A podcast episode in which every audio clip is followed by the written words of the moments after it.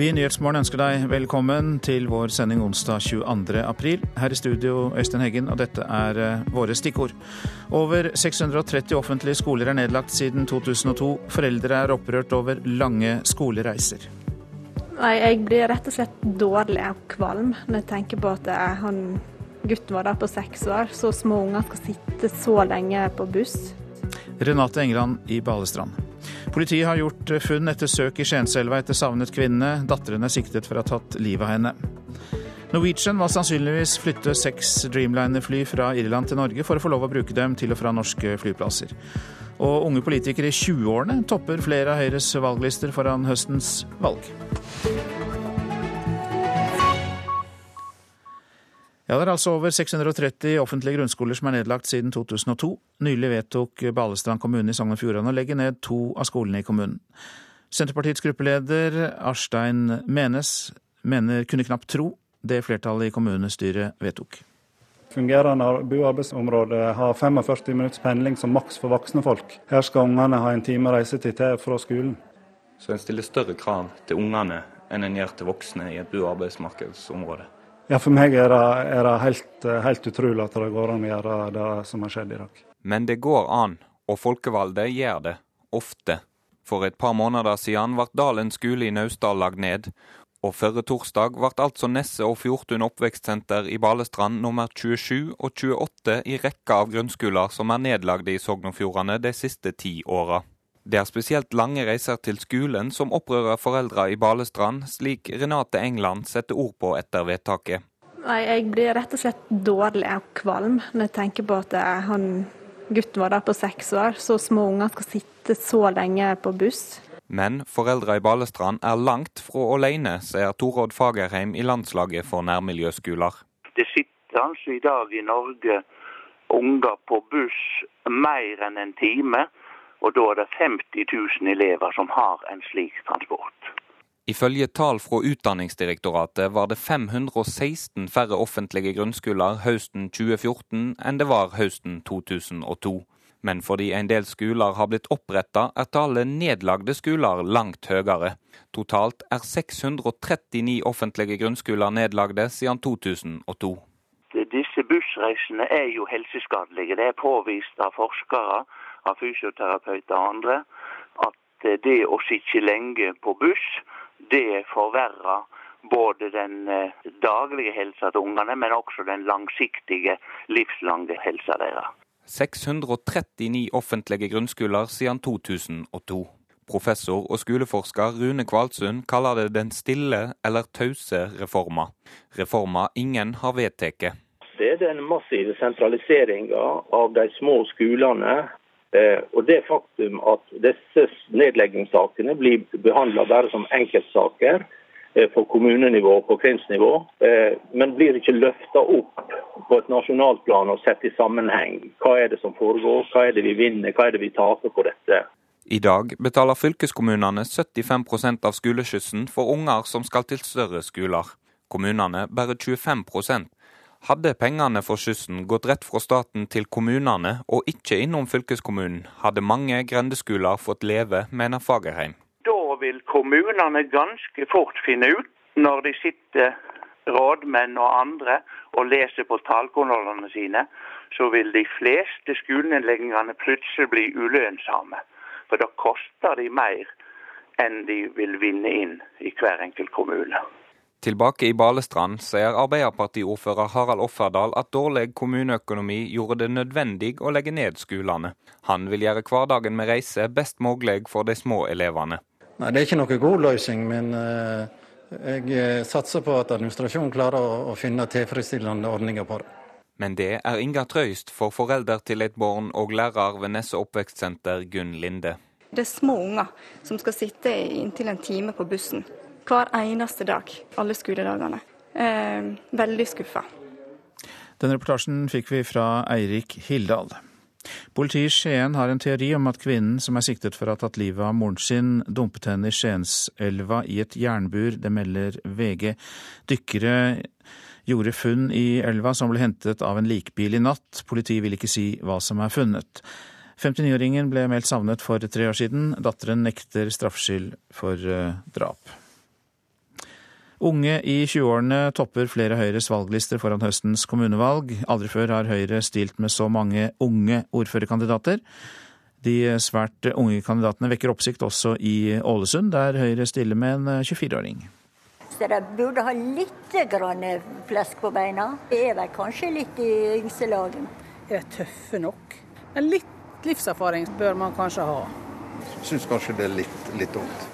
Det er i grenselandet, for å si det sånn. Ikke alle i den vakre jugendstilbyen er like begeistret over at Høyres neste ordførerkandidat er født i 1991. Men unge Øystein Tvedt har også sine forsvarere. Mer menneskelig. Spenstig av partiet å satse på unge meninger. Han har vært med og kjenner politikken på innsida, og jeg ser ingen grunn til at ikke han skulle kunne ta på seg å være ordfører. Og Høyre kan bare håpe at folk flest setter pris på nye, friske stemmer i politikken. Foran årets kommunevalg topper de unge partiets lister i en rekke kommuner. Ja, vi har hatt mange unge kandidater før, men vi har ikke hatt så mange toppkandidater, så det er nytt. Sier Lars Arne Ryssdal, Høyres generalsekretær, og ramser opp. Den yngste i Dyrøy i Troms det er 19 år gamle Kristoffer Molund. Så er det på Bømlo i Hordaland Arin Håvard Hebib på 20. Vi er Kåfjord i Troms, Jens Alexander Simonsen på 21.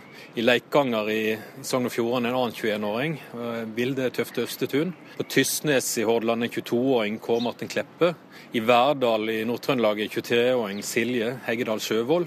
Og så i to av byene våre, i Tromsø, 23-åringen Christian Støbakk Wilhelmsen, og i Ålesund 24-åringen Øystein Tvedt.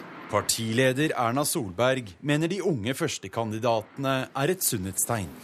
For det første fordi at Unge Høyre er et veldig sterk organisasjon hos oss, og de har dyrket mange fantastisk flinke talenter.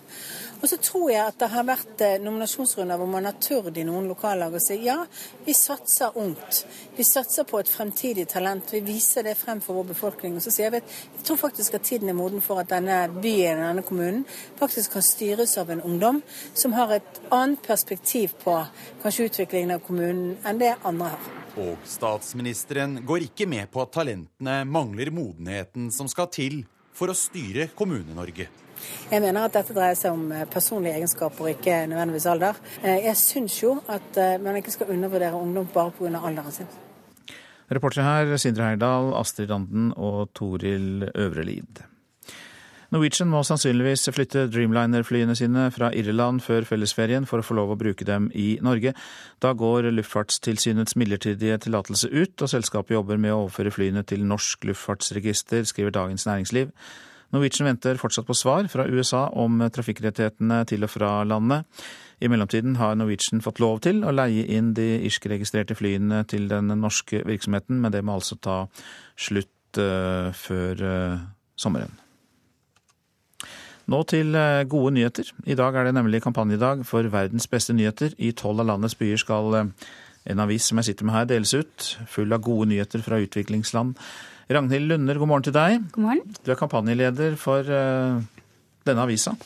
Og hva er den beste nyheten her i dag?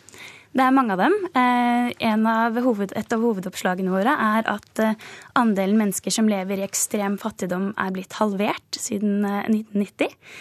Eh, jeg har også to andre favorittsaker. Det ene er at mødredødeligheten i Afghanistan har sunket med 60% siden 2000. Og ikke minst saken vi har om at et ugandisk IT-selskap leverer IT-tjenester til flere av selskapene på Aker Brygge. Dette gis ut av Studentenes og Akademikernes internasjonale hjelpefond, SIH, Changemaker og Spire, der du er medlem, altså Utviklingsfondets ungdomsorganisasjon. Men mm. hva er da hensikten med å dele ut eh, disse gode nyhetene? Vi vil formidle gode nyheter fra utviklingsland fordi vi mener det er nødvendig. Ehm, vi ønsker, vi har et mål om å gi nordmenn mer kunnskap om hvordan det egentlig står til i utviklingsland. Flere undersøkelser viser at nordmenn svarer mye feil på spørsmål om utviklingen i verden. Faktisk mer feil enn om de bare hadde gjettet tilfeldig. Og det kan jo være flere grunner til det. Det vi frykter, er at det er et tegn på at folk har et negativt verdensbilde, eller i beste fall er kunnskapsløse. Eh, vi ønsker å gi folk gode nyheter fordi vi vil nyansere det litt ensidig negative mediebildet, som ofte er konfliktfylt og viser mennesker i nød og konflikt fra utviklingsland. Eh, samtidig som vi håper å skape et positivt engasjement rundt utviklingsland. Men eh, vi kan vel også tenke oss at lytterne der ute og leserne er interessert i å høre om de forferdelige båtkatastrofene i eh, Middelhavet. Vi kan ikke skjule det for dem og bare gi dem gode nyheter. Absolutt. Eh, jeg har stor respekt, og i kampanjen har vi stor respekt for at man skal eh, i mediene og organisasjoner få fokusere på de konfliktfylte, eh, problemorienterte temaene. Både fordi medie og organisasjoner har begrenset ressurser, men også fordi det er det folk trenger å lese om. Dette er en overskuddskampanje som vi mener det er viktig å gi det norske folk. Vi ser stort positivt på det å ha én dag med pusterom i den norske offentlighet, der folk får fokusere ensidig på de gode nyhetene. Eh, for det er jo klart, dette er et overskuddsprosjekt eh, og noe vi ønsker å gi nordmenn eh, kanskje en dag i året fremover. Og vi ser også at dette er en kampanje som opprinnelig kommer fra Danmark, og der har den fått stor suksess. For undersøkelser viser også at mennesker eller folk gjerne vil ha gode nyheter også, og vite litt mer om de komplekse forholdene som ligger, ligger til grunn for god utvikling og framgang i utviklingsland. Og det er det vi ønsker å rette søkelyset mot med denne avisa. Når dere deler ut dette i tolv fylker i dag, på, sikkert på gater og veier og bussholdeplasser og jernbanestasjoner, hva vil du helst at eh, folk skal tenke da, når de tar imot denne avisa fra dere? Det jeg personlig, og det vi i kampanjen ønsker at folk skal tenke, er at det ikke står så ille til i utviklingsland som det man tror. Eh, det er ikke bare krig, nød og fattigdom. Det er mange aktive, engasjerte mennesker i utviklingsland. Eh, det fins gode prosjekter som fungerer. Eh, utviklingsprosjekter er mer enn bistand, men vi har også noen eksempler på bistandsprosjekter som har fungert godt. Og det syns vi er veldig viktig. Og det er eh, også viktig for meg å si at eh, de som ikke er på gata, fra eh, Kristiansand i sør til Tromsø i nord, kan lese avisa på Verdens beste nyheter sin Facebook-side. Da takker vi deg for at du kom innom her på Morgenkvisten, Ragnhild Lunder, som altså er kampanjeleder for Verdens beste nyheter. Så skal jeg si litt om andre nyheter, det avisene har, og som kanskje ikke bare er gode nyheter. Vi begynner med Bergens Tidende. Hjernekirurger skal ha operert etter 26 timer på vakt, skriver avisa. Det er ikke i tråd med ønsket praksis, sier klinikkdirektør Håkon Nordli på Haukeland sykehus, som i dag må svare på fylkeslegens undersøkelser. Norske par velger seg billigere surrogatland, er oppslaget i Vårt Land. Strengere regler for surrogati i India og Thailand fører til at nordmenn drar til Mexico, Nepal og Nigeria. Og da kan de møte juridiske utfordringer som går utover barna, advarer Bioteknologirådet. Er kvitt farlige bakterier i importert avlskylling, kan vi lese i Nasjonen. Av 87 testede partier med rugeegg ble det i fjor bare funnet fem med antibiotikaresistente E. coli-bakterier. I 2011 hadde flere enn hver fjerde importerte avlskylling denne bakterien. Et bilde av grekeren Babis Manias som bærer en livløs gutt i land på Rådos, er trykket på Aftenpostens forside. 65-åringen sier han tenkte på sine egne barnebarn og ba til Gud om at gutten skulle overleve, men det gjorde han ikke. Han ble nok et offer for flyktningtragedien i Middelhavet. Har for lite handlekraft, sier Kjell Magne Bondevik om regjeringens krisehåndtering. Til Klassekampen sier den tidligere KrF-statsministeren at katastrofen i Middelhavet må møtes med kraftfull og rask handling. Dagsavisen skriver at grepene for å takle krisen er å drive aktive søk i Middelhavet, sette inn flere skip og jakte på menneskesmuglerne. Erna krever svar fra Jonas, er oppslaget i Dagbladet. Statsministeren mener Arbeiderpartiet ikke tar utfordringen norsk økonomi står overfor, på alvor, og lover at hun skal plage Jonas Gahr Støre med spørsmål om finansieringen av Arbeiderpartiets reformer. Jonas Gahr Støre bruker de samme pengene to ganger, sier finansminister Siv Jensen og statsminister Erna Solberg til Dagens Næringsliv. Støre imidlertid avviser beskyldningene og sier Arbeiderpartiet prioriterer viktige fellesoppgaver framfor skattelette. Hjertet mitt ville ikke, men hodet mitt sier det er fornuftig å kutte ut. Ja, det sier sykkelentusiast eh, Arnt Myrmo til Fedrelandsvennen i dag. Etter sykkelulykken i Iveland i helgen, der to syklister ble hardt skadd, er den eh, kostbare landeveissykkelen til 56-åringen lagt ut for salg. Jeg kan selv tenke meg å bokse i Norge, sier Cecilia Brekkhus eh, nye samarbeidspartner. Hun inngikk jo nylig et samarbeid med superstjernen Vladimir Klitsjkos selskap K2, som skal hjelpe henne med å skaffe solide kamper både internasjonalt og her til lands. Den ukrainske tungvektsbokseren sier eh, selv at han kan tenke seg å bokse en kamp på norsk jord. Absolutely. Boxing has Absolutt, boksing har ingen begrensninger. Jeg mener det er så internasjonalt og så bra for tiden. Boksing har jo vært stort i mange, mange år, men er fortsatt veldig populært. Også i Norge, hvor jeg forstår at det har blitt åpnet opp for profesjonell boksing. Det syns jeg er spennende. So I'm, I'm Cecilia Brekkhus tror det å få selveste Klitsjko til Norge kan være meget bra for bokseinteressen her. Hvorfor ikke, sier jeg bare. Altså, tenk det, da. Det, det hadde vært fantastisk. Brekkhus tror samarbeidet med K2 kan bety mange nye utfordringer for henne som utøver. Hun vet Klitsjkos selskap har en fot i det meste som gjelder i toppbokseverden, og hun håper det kan åpne for de rette kampene i fremtiden, både utenlands og i Norge. Han er jo en fantastisk eh, døråpner for meg internasjonalt. Og eh, hvis vi nå kan samarbeide om kamper i fremtiden internasjonalt, og eh, forhåpentligvis når jeg eh, en gang får komme til Norge og bokset der, at eh, de kan hjelpe meg med å arrangere stevner. Reporter her, Vegard Aulstad. Klokka den nærmer seg 6.47. Dette er eh, hovedsaker i Nyhetsmorgen. Over 630 offentlige grunnskoler er lagt ned siden 2002. Professor kaller det en reform som pågår i det stille. Politiet i Skien har en teori om at kvinnen som er siktet for å ha tatt livet av moren sin, dumpet henne i Skienselva i et jernbur. Det melder VG. Norwegian må sannsynligvis flytte sine Dreamliner-fly fra Irland til Norge før fellesferien for å få lov til å bruke dem til og fra Norge. Småbutikker i bysentra og i distriktene frykter danske tilstander dersom det blir åpnet for søndagshandel. Der har nemlig eh, søndagsåpne butikker ført til butikkdød, og lederen for den danske bransjeorganisasjonen for dagligvarehandelen tror eh, Bergen sentrum f.eks. kan eh, komme dårlig ut med søndagsåpne butikker. For oss vil det bli en økt kostnad, og i andre enden så blir det neppe økte inntekter. Brita Gjertholm rydder i stativer i den familieeide butikken midt i Bergen sentrum. Vi har seks ansatte. Tre av oss er søstre.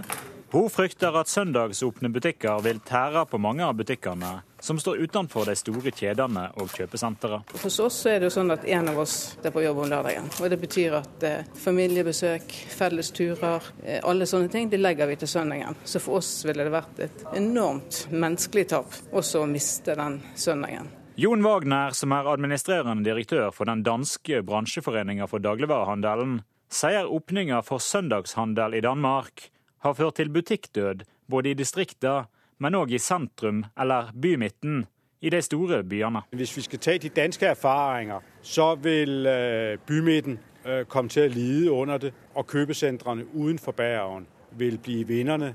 Selv om regelendringene skulle gjøre valgfridommen større for butikkeierne, har resultatet blitt annerledes. Ja, altså, I prinsippet er det valgfrihet, men i praksis er man nødt til å holde åpent de dager hvor også konkurrentene holder åpent. Det å ha et forbud mot å handle varer på søndagene, det er et spesielt og unødvendig forbud. Ingen tvinges til å holde oppe. Det sier Erik Skutle, som er stortingsrepresentant for Høyre.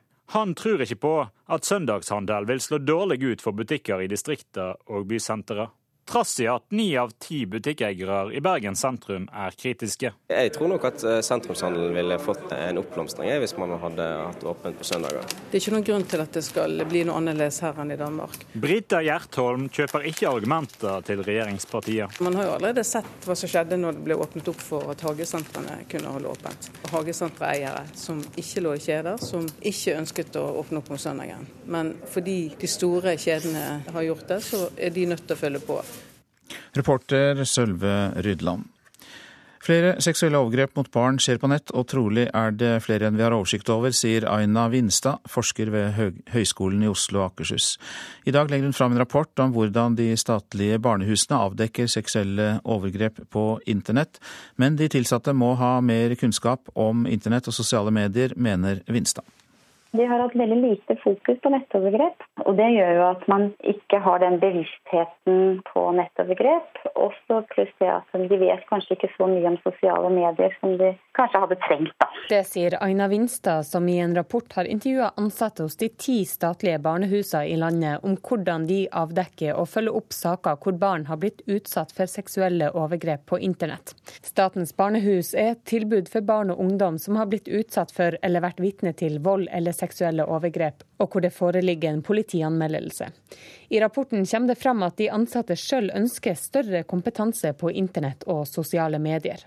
Hvis ikke det aktuelle barnehuset er opptatt av nettovergrep, så vil det også føre til at de får færre henvendelser om dette. Og hvis de da forteller omverdenen at de bryr seg og at det blir tatt tak i og det er et fokus på det, så vil de også få flere henvendelser, tenker jeg. På barnehuset i Tromsø utgjør seksuelle overgrep på nett en relativt liten del av sakene de følger opp, men leder Ståle Luther sier de ser ei økning. Det eksploderer jo dette med, med, bruk av internett og videre. Det er jo ikke noe som har kommet helt nylig. Men det er klart det utvikler seg, og teknologien utvikler seg. Og det har man jo sett at, eh, at ny teknologi også gir mulighet for å begå kriminalitet på nye måter. Luther mener det er politiet sin jobb å få frem mange av detaljene rundt overgrepene i avhør, men er enig i at det trengs mer kunnskap om barn sine nettvaner blant de ansatte. Det er jo helt klart et punkt vi må se nærmere på. Det har nok helt klart fordel at vi er på en måte med i terminologien og vet hva, hva ting handler om, og forstår hvilke muligheter teknologien gir. Reporter Sigrid Agnete Hansen. Venstre retter kraftig kritikk mot regjeringens beslutning om å samle alle departementer unntatt Forsvarsdepartementet i det nye regjeringskvartalet. Vår reporter har møtt Venstres stortingsrepresentant Ola Elvestuen på utstillingen der seks arkitektteam har laget skisser og modeller til hvordan regjeringskvartalet kan bli. Det er jo gode arkitekter Eh, så problemet med parallelloppdraget er at eh, er den forståelse at alle departementer skal samles på ett sted, så nær som ett. Og da blir volumene altfor store i forhold til tomta og byen og omgivelsene omkring. Ja, hva er problemet sånn som uttrykket er her? Det er jo de massive høydene som man eh, legger opp til. Hva det vil bety for Youngstorget, hva det vil bety for hele, hele inntrykket av regjeringskvartalet i byen. Vi skal huske på at De viktigste byggene i Oslo det er eh, Stortinget, det er Slottet. For byen er det Rådhuset. Og så må regjeringskvartalet plassere seg i forhold til det. Og Da kan du ikke ha de enorme volumene som det her eh, legges opp til tre 90 meter høye skyskrapere, nesten dobbelt så høye som Høyblokka, eller et gigantisk bygg som omringer Høyblokka og går i bro rett over ærverdige Møllergata 19. Dette er noen av ideene som Ola Elvestuen og andre interesserte kan studere på utstillingen i regjeringskvartalet i disse dager. Bakgrunnen er regjeringens beslutning fra mai i fjor om å samle alle departementer unntatt forsvar i et begrenset geografisk område mellom Akersgata og Møllergata, det såkalte østalternativet. Den beslutningen er endelig, sier statssekretær Pål Schaffi i Kommunal- og moderniseringsdepartementet. Når man tar en beslutning, så er det jo meningen at den skal gjennomføres. Men det blir uansett eh, ganske stort og massivt? Ja, det vil det sikkert være litt ulike meninger om. Eh, det vi har vært opptatt av, er at både sikkerheten eh, og det å få til åpne byrom og det å få en, en, en tilgjengelighet for befolkningen og få en god samhandling eh, i, i, staten mellom departementene. Alle de eh, trekker i retning av en samlet lokalisering. Fordi alternativet med stor spredning, hvor man må ha stengte gater og sikkerhetstiltak veldig mange steder, er et dårligere alternativ for byen enn det alternativet som er lagt fram her. Debatten om nytt regjeringskvartal har mest dreid seg om bevaring av Høyblokka, litt om Y-blokka og knapt noe om hvor mye som skal samles. Regjeringens beslutning må gjøres om, sier Venstre og Ola Elvestuen. Vi kan gjenoppbygge regjeringskvartalet og fortsatt ha eh, departementer ulike steder i byen, og ivareta sikkerheten på en veldig god måte. Og reporteren som fulgte Elvestuen rundt på utstillingen, var eh, Olav Juven. I dag har storfilmen Avengers The Age of Ultron premiere. Det er en film fullstappet med spesialeffekter for å gjøre de eh, superheltene som opptrer i filmen så supre som overhodet mulig.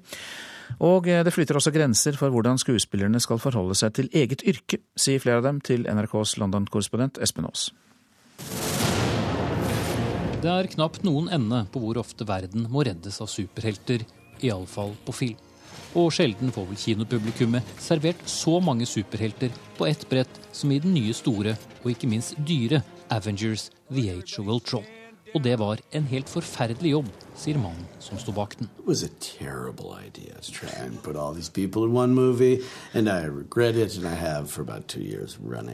This one was was as hard as it gets, just to make sure that everybody not just had their moment, but was part of the driving the narrative in some way. Superheltuniverset hos Marvel er mange generasjoner gammelt. Noen av heltene ble skapt helt tilbake rundt andre verdenskrig, og fanskaren er enorm. Og dermed også mulighetene til å tjene store penger. Forgjengeren til denne filmen er tidenes tredje mest lønnsomme. Og det går med enormt med spesialeffekter for å få det hele til. Noe som gjør det å være skuespiller en tøff jobb. Uh, it's hard. It's, it's it's a whole new frontier performance, and it's completely driven by imagination. Disney, som står bak, har lovet flere filmer om disse superheltene. Men når NRK spør om regissøren og manusforfatteren kan tenke seg en ny runde, blir reaksjonen slik. No, no, no, I'm not, no, no, God, no, no, no, I'm not ready to do more. Um, I'm ready to do less. Å lage film om superhelter er kanskje ikke alltid en superjobb. Og så eh, tar vi med en melding om at en anonym kjøper har sikret seg det som omtales som en perfekt diamant på 100 karat. Den hvite diamanten gikk for 174 millioner kroner under en auksjon i New York. Diamanten ble funnet av gruveselskapet De Beers i Sør-Afrika og var opprinnelig på over 200 karat. Først etter å ha jobbet med den i et år og kuttet og slipt ned til 100 karat, så var eierne og diamantsliperne fornøyd. Og eh, kjøperen la inn vinnerbudet over telefon, det opplyser auksjonshuset Sotheby's. Og eh, ja, det var altså 174 millioner kroner den gikk for. Så tar vi for oss værvarselet. Fjell i Sør-Norge først. Utpå dagen blir det stiv kuling utsatte steder. Det blir delvis skyet oppholdsvær. I kveld nordvestlig opp i liten storm utsatte steder i fjellet, og snøbyger. Østland og Telemark har en veldig kort melding, lettskyet vær. Agder vest for Lindesnes periodevis stiv kuling og lettskyet vær. Rogaland liten kuling sør for Boknafjorden og oppholdsvær. Hordaland også oppholdsvær, men i kveld litt regn. Sogn og Fjordane stort sett oppholdsvær. I ettermiddag liten kuling utsatte steder. Liten storm ved Stad. I kveld dreier vinden vestlig og litt uh, minkende. Det blir regn, snø over ca. 1000 meter. Møre og Romsdal sørvestlig liten kuling på kysten og stort sett opphold. I ettermiddag liten storm, i kveld dreier den vestlig og minker. Det blir regn i Møre og Romsdal, snø over ca. 1000 meter der også. Trøndelag vestlig stiv kuling utsatte steder. Regnbyger, snøbyger over 400 meter. I ettermiddag sørvestlig liten storm på kysten av Trøndelag. I kveld dreier vinden vestlig, og det blir regn og snø over 1000 meter. Så går vi til Nordland, som får sørvestlig stiv kuling utsatte steder. Fra i formiddag oppe i sterk kuling, og i ettermiddag liten kuling fra Salten og nordover. Det blir regn og sluddbyger i Nordland, snøbyger i høyden. Mest nedbør sør i fylket. Lokal torden første del av dagen. Troms sørvestlig stiv kuling utsatte steder. Minkende vind utover dagen. I kveld frisk bris. Det blir regn og sluddbyger, snøbyger i høyden. Og vi går til Finnmark. Vind mellom sørvest og nordvest, av og til liten kuling, og det blir spredte regn- og sluddbyger. Nordensjøland på Spitsbergen til slutt. Dreining til nordøstlig liten kuling utsatte steder. Stiv kuling i vest. Litt snø og snøfokk. Og vi tar med oss temperaturer målt klokka fem. Svalbard lufthavn minus seks. Kirkenes pluss én. Vardø tre. Alta to. Tromsø fire. Bodø to. Brønnøysund 5, Trondheim-Værnes 6, Molde 7. Bergen, Flesland og Stavanger begge med fem grader. Kristiansand-Kjevik 6. Gardermoen 2, Lillehammer 4, Røros 2 og Oslo-Blindern 5 grader.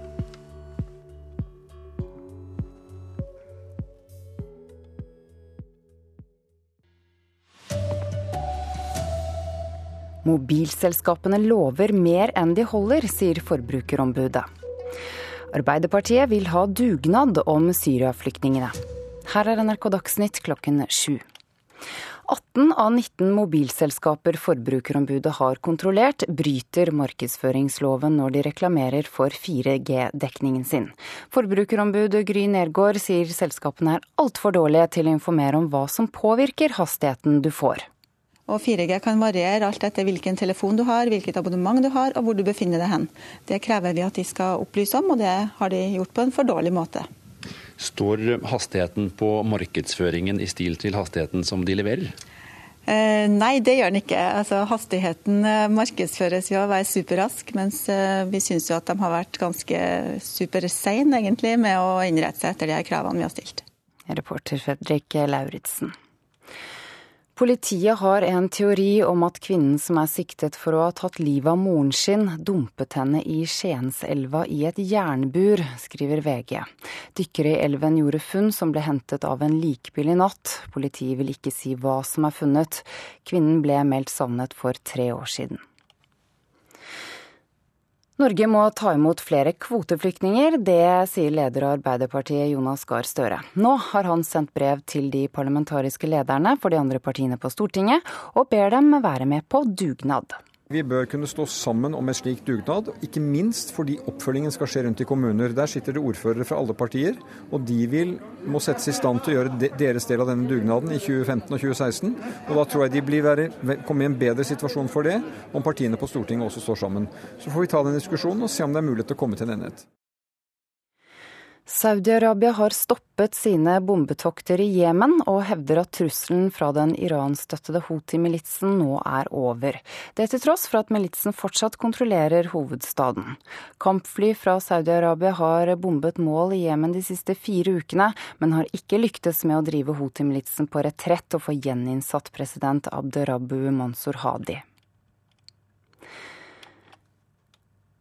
En anonym kjøper har sikret seg det som omtales som en perfekt diamant på 100 karat. Den, fire, den, hvite diamanten gikk for 174 millioner kroner under en auksjon i New York. Kjøperen la inn vinnerbudet over telefon, opplyser auksjonshuset Sotheby's. Det var NRK Dagsnytt i denne omgang. Vi er tilbake om en halvtime. I studio nå, Ida Creed. Nyhetsmorgen skal til 83 grader nord, til Polhavet, der et forskningsskip er innefrosset i isen. Hva skjer i Jemen, spør vi nå. Det blir, blir det fred når Saudi-Arabia sier de stanser bombetoktene mot landet. Vi skal også høre at mobilselskapene villeder om 4G-dekning. Nesten alle bryter markedsføringsloven. Og at uh, unge setter penger i uh, aksjer, mens folk flest prøver å unngå børsen. Men først om det vi hørte i Dagsnytt, at italiensk politi har arrestert 14 personer som de mener er en del av et smuglernettverk som frakter ulovlige migranter til Norge og flere andre land. Politiet mener menneskene blir fraktet ulovlig fra Sicilia og opp til Nord-Europa, og at også mafiaen i Italia er involvert. På havna i Sicilia kommer det stadig nye immigranter i land. De kommer fra Afrika, Midtøsten og Asia og søker alle et bedre liv i Europa. Uansett hva europeiske styresmakter gjør, så vil folk fortsette å komme, forteller Min Sise fra Gambia. Vi har problem i hele Afrika, forteller flyktningen. Mange av de som kommer til Cecilia, er offer for menneskesmugling. Nå har italiensk politi arrestert flere personer som de mener er del av et smuglernettverk, som bl.a. frakter flyktninger til Norge. 24 personer er mistenkte for å være del av smuglernettverket. 14 av de er arresterte på ulike steder i Italia, medan andre er etterlyste. Det forteller Francesco Lovoi til Sveriges Radio. Han leier etterforskninga som består av et samarbeid mellom flere europeiske land. De mistenkte er avslørte ved hjelp av telefonavlytting. Og de arresterte er sjøl kommet til Italia som immigranter og kjenner godt til hvordan systemet fungerer. Menneskesmuglinga har gått fra ulike land i Afrika via kontakter på Sicilia og videre til land i Nord-Europa, slik som Norge, Sverige og Nederland. Vi erano una serie di spedizioni indirizzate verso paesi del nord Europa. Fra Italia har transporten skjedd i flere etapper, forteller Voi. Immigrantene har blitt utstyrt med falske pass og reist nordover i busser eller private biler. Blant de arresterte finnes også ansatte ved et mottakingssenter for flyktninger på Sicilia. Reportere her Vegard Kjørom og Sveriges Radios Beatrice Jansson.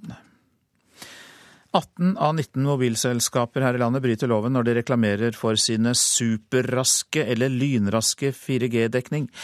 Forbrukerombudet har gjennomført tilsyn i selskapene, nemlig, og i dag må flere stoppe eller endre reklamekampanjene fordi markedsføringen er villedende. Snart så dekker NetCom 4,6 millioner nordmenn med lynrask 4G. Så... NetCom god dekning, rask 4G. Nei, det er ikke godt nok i seg selv å si superraskt. Det sier Gry Negård fra Forbrukerombudet. Eh, når det er viktig for oss som forbrukere å vite hvilken hastighet vi får, så sier de ingenting om det. Og 4G kan variere alt etter hvilken telefon du har, hvilket abonnement du har og hvor du befinner deg hen. Og det kommer ikke tydelig fram i reklamene som 18 av 19 mobiloperatører har, ifølge Forbrukerombudet. Ja, Det vi ser da, er at alle, stort sett alle mobilselskaper nå markedsfører 4G på en ganske aggressiv måte. Både i TV, radio og på plakater rundt omkring. Mobilselskapene fikk brev i desember 2014 med beskjed om at de bryter markedsføringsreglene. De ble varsla om en ny kontroll og oppmoda til å være mer tydelige i reklamene. Samtlige selskap stadfester at de skulle innrette seg etter reglene, blant de NetCom. Vi gjør vårt beste her for å kommunisere tydelig. Vi ønsker ikke å villede kundene våre. Men vi ønsker selvfølgelig å fortelle om det mobilnettet vi bygger. Det er vi stolte av, og vi ønsker å utfordre Telenor. Det sier Hanne Løvstad, direktør i NetCom. Vi har allerede gjort en god del tilpasninger i den kommunikasjonen vi har, både reklame og på, på web, og det vil vi tydeliggjøre ytterligere. Men arbeidet som er gjort er ikke tilfredsstillende, mener Negård. Forbrukerombudet har nemlig fått klager fra forbrukere som kjenner seg lurt av mobiloperatørene fordi de ikke har fått opplyst om at farta på 4G-nettverket kan bli svekka av ulike faktorer. Det er jo litt skuffende. Det er også ganske store selskaper og store aktører vi snakker om her. Hun legger derimot ikke skjul på at flere har som NetCom begynt å tilpasse seg reglene.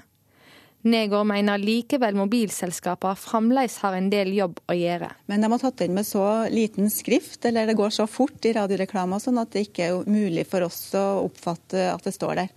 Sånn at Det syns vi er for dårlig. Hvis vi skal ha noe vits i at de sier fra, må de jo si fra såpass at vi skjønner det, vi som forholder oss til markedsføringa. De 18 mobilselskapene har nå fått et nytt brev fra Forbrukerombudet med krav som må oppfylles innen 4. mai.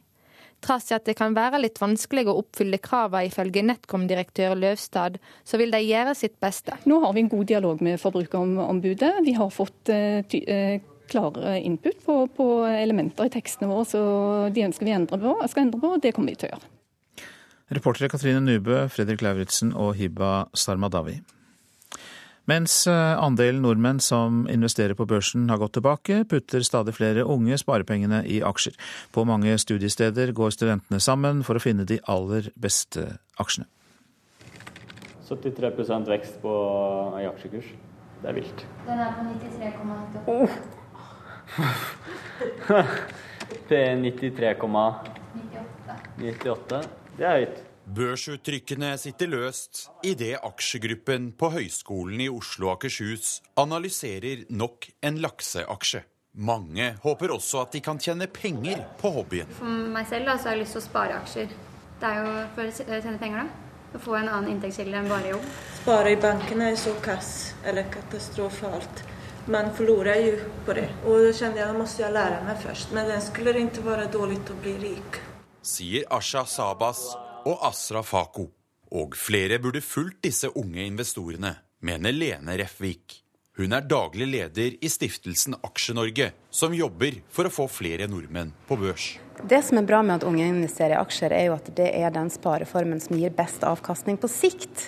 Og, og gjør at hvis de sparer mot f.eks. bolig eller ting senere i livet, så har de størst sjanse for å oppnå avkastning på sine penger. Antallet unge børsinvestorer var omtrent 1000 færre for ett år siden. Nå er over 27 500 unge under 29 år aksjeeiere, ifølge Verdipapirsentralen. På Oslo Børs har de puttet vel 1,6 milliarder kroner. De unges sult på aksjeklipp skiller seg fra resten av folket. For selv om sparingen i aksjefond øker, er ikke appetitten på enkelte aksjer like stor. Andelen private aksjonærer har vært fallende lenge. I stedet øker de institusjonelle og utenlandske eierne sin børsmakt. Det gjør det desto viktigere at den nye generasjonen nå trår til, mener Aksje-Norge. Det er òg sånn at det man gjør av sparing som ung, er jo vaner man har med seg senere i livet. Og, det er jo en veldig fin sparemåte å bruke gjennom livet med en god avkastning. Spesielt nå når bankrenta er så lav som den er nå. Tilbake på høyskolen er Peter Osvat Karlsson, sjef for aksjegruppen, allerede blitt såpass bitt av børsbasilen at han faktisk må stoppe å handle i enkeltaksjer. Det har sin naturlige forklaring.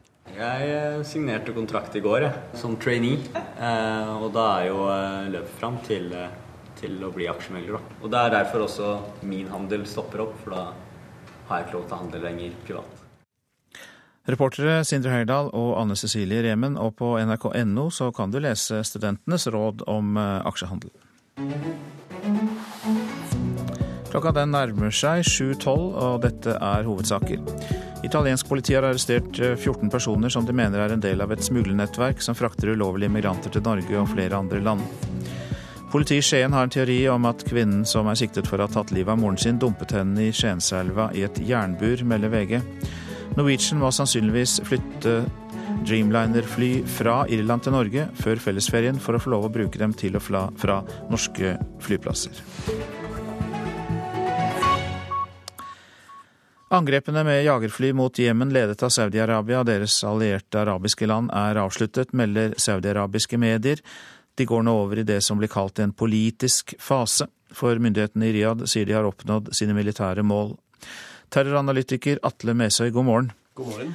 Saudi-Arabia kaller jo denne nye fasen for 'restoring hope', gjenopprette håp, intet mindre. Hva legger det i det?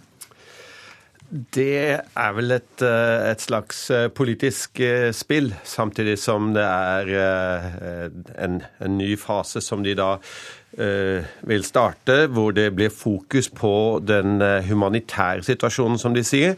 Og det vil også være et stort fokus på kontraterror. Hva tror du om risikoen for at det fortsatt kan bli væpnet konflikt i Jemen? Risikoen er fortsatt til stede med såpass mange tunge aktører involvert. Og eh, siden det nå har kommet eh, flere større eh, grupper med, med marineskip til, eh, til Jemens kyst, eh, både fra USA og fra Iran, så, så er det klart at eh, risikoen den er, den er blitt høynet. Hvorfor er dette noe forenklet, da? Blitt kalt en konflikt mellom sunni og shia-islam? Det er fordi at eh, det er eh, store land som står bak. De, eh, altså når det er Saudi-Arabia som, som blir såpass aktivt, går inn så aktivt militært, og du har Iran på den andre siden som går inn for å, å hegne om sine interesser så, den, eh, så har du den interessekonflikten som, eh, som, er mellom de to, og også da Sunni-landene på den ene siden og Iran med, med sine Shia-støttespillere på den andre siden, som f.eks. Hezbollah. Eh, og den koalisjonen nå, den ble jo Etter hvert så ble den veldig tung på, på Sunni-siden, og, og det, det tilspisset seg. Og det var eh, en stor risiko på slutten for at noe kunne virkelig gå, gå galt. Hva er da nødvendig? Hva må til i Jemen for å få til en varig og fredelig løsning? For det landet har jo hatt konflikt i flere tiår. Ja, det, det, er, det, er, helt klart. Og uh, det, det, må noe alvorlig til. Og det som man snakker om nå, det er at alle gruppene i landet må bli hørt, alle de politiske gruppene. Og Det er noe som nå kommer eh, mest sannsynlig i en eh, diplomatisk fase. Hvor, eh, hvor alle Oman kommer seg ut til å kunne spille en betydelig rolle. Og hvor eh, alle gruppene i, Jemen skal være med i det nye politiske Jemen. Um, og, og, da er Houthien også inkludert. Men uh, i og med at Saudi-Arabia kaller denne nye fasen for 'restoring hope', uh, gjenopprette håp De har jo nå bombet. I hvilken grad er det mulig da for dem å skaffe seg tillit fra dem de nettopp har bombet? Hvordan er det i det hele tatt mulig å skape tillit i det landet mellom gruppene? Det, det, er en stor utfordring, fordi at eh, noe av anklagene fra det politiske Jemen har jo vært at uh, har gått på, på ytre innblanding. Altså i, i deres interne anliggender. Og, og Saudi er jo en, en, en, viktig eh, nabo, uansett hvordan man, man, ser på det. Så selv om det er et, en, en, viss eh, Selv om det er eh, sterke følelser mot dette som har skjedd, så, så dersom Saudi klarer å, å, få til en slags Er med å, å få til en slags fred og og, og klare å, å, sette inn en stor humanitær innsats, så, så, er det jo ingen tvil om at uh, siden Jemen er såpass fattig, så, så kan det ha en, en, en, betydning.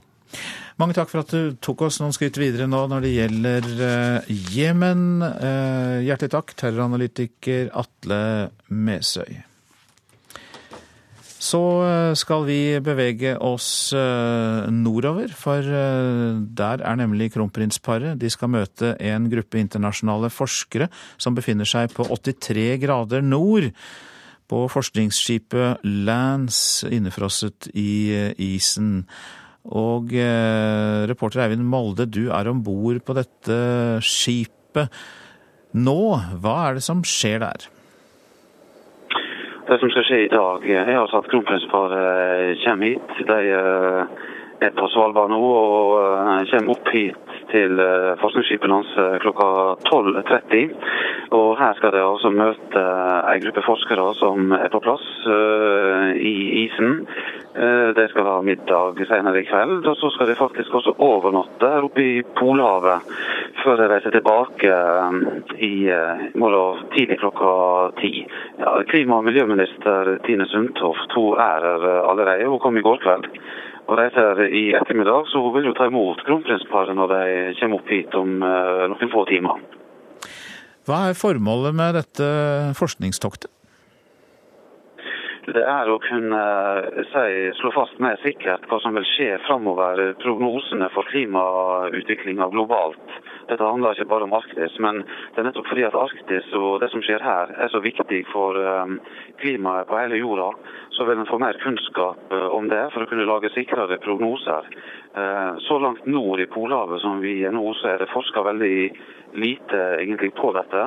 Slik at uh, dette toktet er veldig veldig viktig for å kunne få fram ny informasjon, som vil være veldig viktig i, i tida som kommer. Hvilket inntrykk har du av kronprinsparets interesse for dette her?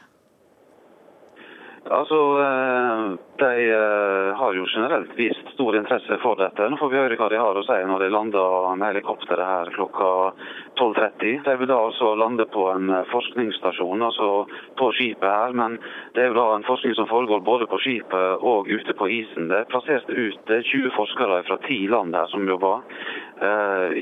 Båten driver med isen på samme måte som Nansen sitt prosjekt i 1893 så har altså skipet latt seg fryse inn i, uh, i eh, januar. Skal drive naturlig med isen fram til sommeren. Og, og, eh, Det blir veldig spennende å se. Her er masse utstyr. Eh, isbår, telt, det står hytter utover isen her. Eh, masse utstyr som blir brukt av forskerne. De borer jo hull i isen for å komme ned til havet under her og gjøre undersøkelser både av, av isen og av havet. Livet rett under isen og videre nedover havet. Det er masse utstyr og sikkert mange spennende ting å bli oppdatert på for kronprinsparet. Mange takk skal du ha, Eivind Molde, som altså er om bord på forskningsskipet som eh, altså uttales Lanse, forstår jeg, selv om det skrives med C. Altså forskningsskipet Lanse på 83 grader nord. I Boston i Maryland, dit skal vi nå. Der skal juryen avgjøre hvilken straff eh, mannen som sammen med broren gjennomførte terrorangrepet mot Boston Marathon skal få. Tsjokhar Tsarnajev vil enten bli dømt til døden eller livsvarig fengsel uten mulighet for benådning. Well, um, I'm against the death penalty, Papi, for many reasons. One, one of them being um, um, for being poor life. Mary Daniel måtte amputere det ene beinet etter å ha blitt offer for bombene i målområdet i Boston for to år siden. Hun er likevel ikke sikker på om hun mener 21 år gamle Chokar Starnayev bør dømmes til døden, og forklarer hvorfor til CNN.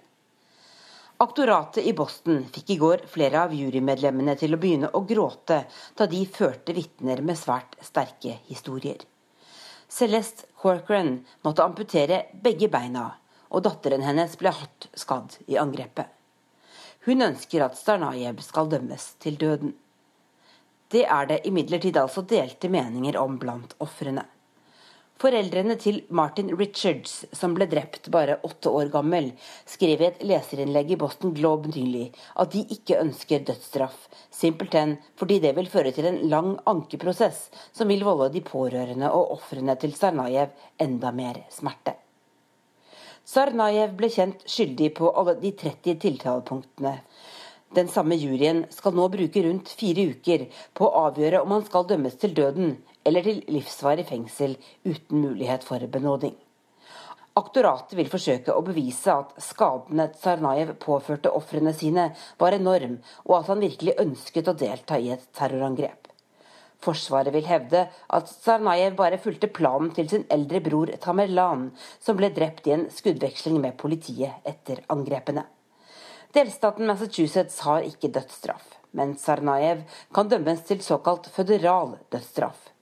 I 1988 ble slik straff gjeninnført i USA.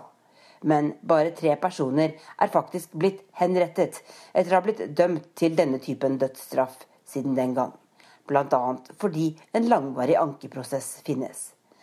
En av dem som er blitt henrettet, er Timothy McWay, som gjennomførte terrorangrepet mot en føderal bygning i Oklahoma City i 1995.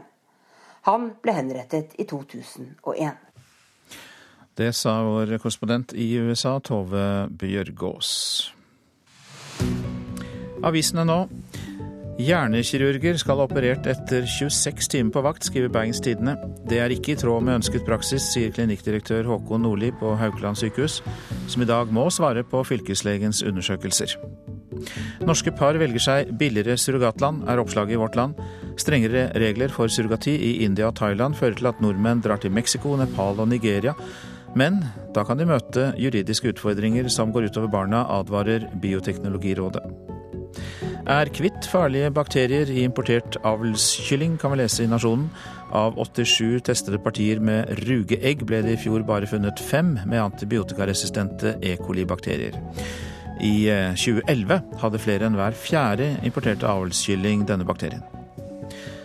Et bilde av grekeren Babis Manias som bærer en livløs gutt i land på Rådås, er trykket på Aftenpostens forside.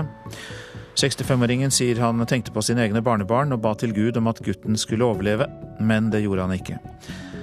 Han ble nok et offer for flyktningtragedien i Middelhavet. Har for lite handlekraft, sier Kjell Magne Bondevik om regjeringens krisehåndtering til Klassekampen. Den tidligere KrF-statsministeren sier at katastrofen i Middelhavet må møtes med kraftfull og rask handling. Dagsavisen skriver at grepene for å takle denne krisen er å drive aktive søk i Middelhavet, sette inn flere skip og jakte på menneskesmuglerne. Erna krever svar fra Jonas, er oppslaget i Dagbladet. Statsministeren mener Arbeiderpartiet ikke tar utfordringene norsk økonomi står overfor, på alvor, og lover at hun skal plage Jonas Gahr Støre med spørsmål om finansieringen av Aps reformer. Jonas Gahr Støre bruker de samme pengene to ganger, sier finansminister Siv Jensen og statsminister Erna Solberg til Dagens Næringsliv. Støre avviser beskyldningene og sier Arbeiderpartiet prioriterer viktige fellesoppgaver framfor skattelette. Hjertet mitt vil ikke, men hodet mitt sier det er fornuftig å kutte ut. Det sier sykkelentusiast Arnt Myrmo til Fedrelandsvennen. Etter sykkelulykken i Iveland i helgen der to syklister ble hardt skadd, er den kostbare landeveissykkelen til 56-åringen lagt ut for salg. Nå om dugnad på gravplasser. Det er ikke så uvanlig å se på bygdene, men nå kommer byene etter.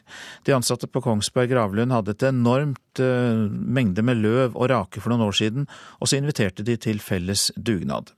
Nå har det blitt en tradisjon som dugnadsfolket ikke vil gå glipp av.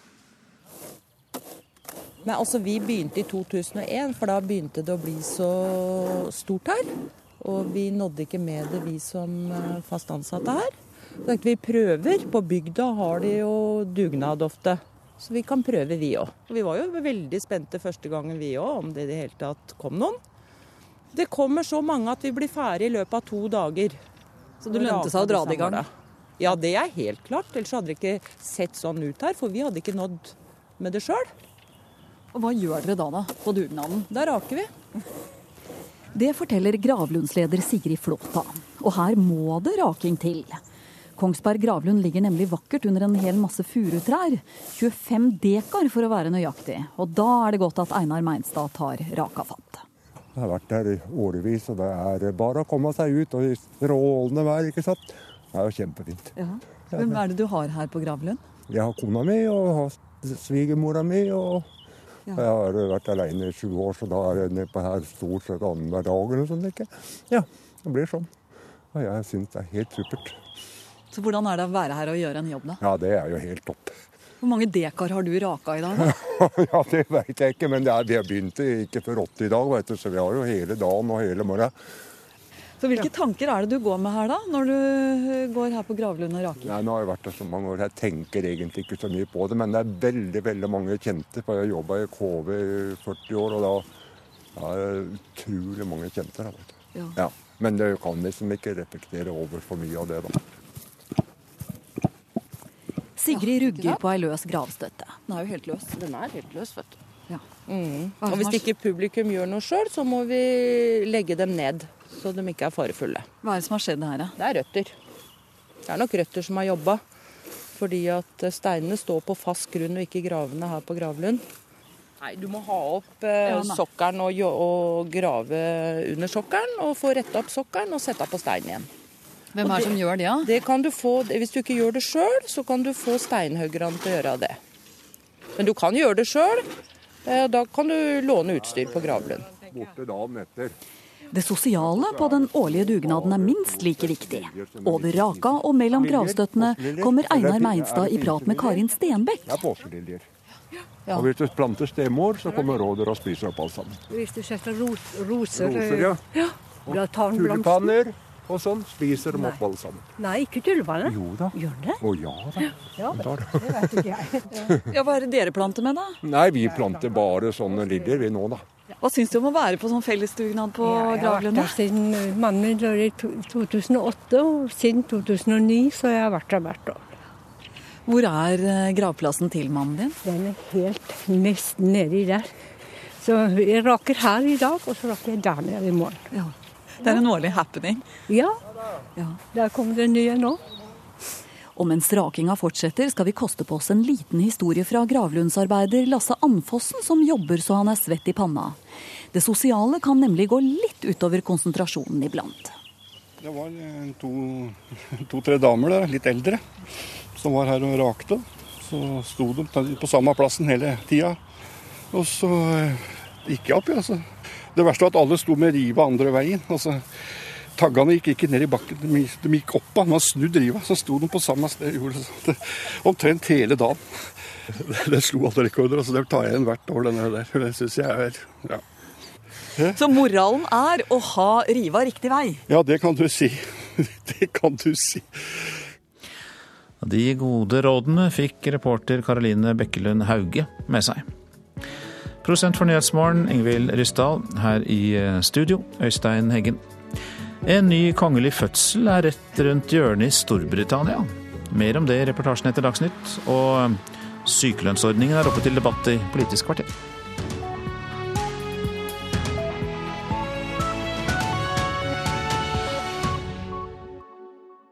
Spillerom i dag.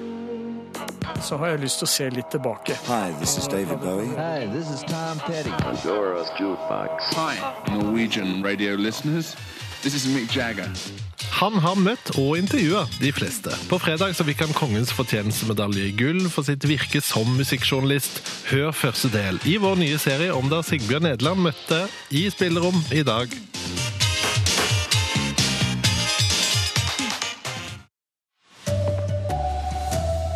Italiensk politi har pågrepet 14 personer mistenkt for å tilhøre et smuglernettverk som tar ulovlige immigranter til Norge. Politiet tror den savnede kvinnen fra Skien ble dumpet i elven i et jernbur. Mobilselskapene lurer folk. Nesten alle bryter markedsføringsloven. Her er NRK Dagsnytt klokken 7.30. Italiensk politi har pågrepet 14 personer som de mener er en del av et smuglernettverk som tar ulovlige immigranter til Norge og flere andre land. Politiet mener mennesker blir fraktet ulovlig fra Sicilia til Nord-Europa, og at mafiaen i Italia er involvert. Tutto questo percorso è stato ricostruito principalmente attraverso le intercettazioni telefoniche. De arresterte ble avslørte ved hjelp av telefonavlytting, sier Francesco Lovoi i et intervju med Sveriges Radio. Han leder etterforskninga som består av et samarbeid mellom flere europeiske land. Nå er 14 personer arresterte på ulike steder i Italia, mens ti andre er etterlyste. Alle er mistenkte for å stå bak menneskesmugling til bl.a. Norge. Mange av dem er sjøl kommet til Italia som immigranter og kjenner godt til hvordan systemet fungerer. Menneskesmuglinga har gått fra ulike land i Afrika via kontakter på Sicilia og videre til land i Nord-Europa, slik som Norge, Sverige og Nederland. Vi erano una serie di spedizioni indirizzate verso paesi del nord Europa. Fra Italia har transporten skjedd i flere etapper, forteller Lovoi. Immigrantene har blitt utstyrte med falske pass og reist nordover i busser eller private biler. Eh, sul collegamento tra questi soggetti e la mafia stiamo ancora indagando. Også den italienske mafiaen har vært involvert i smuglinga, som har blitt finansiert gjennom banker og det alternative banksystemet Hawala. Blant de arresterte finnes også ansatte ved et mottakingssenter for flyktninger på Sicilia. Reportere var Vegard Kjørom og Sveriges Radios Beatrice Jansson. Den savnede kvinnen fra Skien kan ha blitt dumpet i elven i et jernbur, ifølge opplysninger politiet sitter på. En likbil hentet i går kveld et funn i Skienselva, men politiet vil ikke si hva som er funnet. Kvinnens 31 år gamle datter nekter straffskyld for drap. Etter å ha søkt i hele gård, gjorde politiet i går kveld et funn i Skienselva. Funnet ble dekket til av et telt før en likbil kom og hentet det. Ifølge VG jobber politiet ut fra teorien om at den da 56 år gamle kvinnen ble dumpet i elva i et jernbur. I går ble 56-åringens datter siktet for drap, nesten tre år etter at moren ble meldt savnet. Det hele skal ha startet sist søndag, da politiet rykket ut til leiligheten til kvinnen og hennes samboer etter meldinger om slåssing. Etter det VG får opplyst, var det i kjølvannet av rabalder i parets leilighet at kvinnens 34 år gamle samboer forklarte hvilken hemmelighet de to bar på. Begge ble da pågrepet. I tillegg skriver avisen at politiet skal ha sikret seg forklaringen til en tredje person, som også sier han kjenner til hvordan 56-åringen ble drept. I går ble den 31 år gamle kvinnen fengslet i fire uker, mens retten ville løslate samboeren. Ingen av de to erkjenner straffskyld, og forsvareren til den drapssiktede kvinnen sier det er en stor byrde for henne å være anklaget for å ha drept moren. Det sa reporter Kristine Næss Larsen. Unge i 20-årene topper flere av Høyres valglister foran høstens kommunevalg. Aldri før har Høyre stilt med så mange unge ordførerkandidater. De vekker oppsikt også i Ålesund, der Høyre stiller med en 24-åring. Så de burde ha litt flesk på beina. Det er vel kanskje litt i yngste laget. Litt livserfaring bør man kanskje ha. Syns kanskje det er litt dumt. Det er i grenselandet, for å si det sånn. Ikke alle i den vakre jugendstilbyen er like begeistret over at Høyres neste ordførerkandidat er født i 1991. Men unge Øystein Tvedt har også sine forsvarere. Han har vært med og kjenner politikken på innsida, og jeg ser ingen grunn til at ikke han skulle kunne ta på seg å være ordfører. Og Høyre kan bare håpe at folk flest setter pris på nye, friske stemmer i politikken. Foran årets kommunevalg topper de unge partiets lister i en rekke kommuner. Ja, vi har hatt mange unge kandidater før, men vi har ikke hatt så mange toppkandidater, så det er nytt.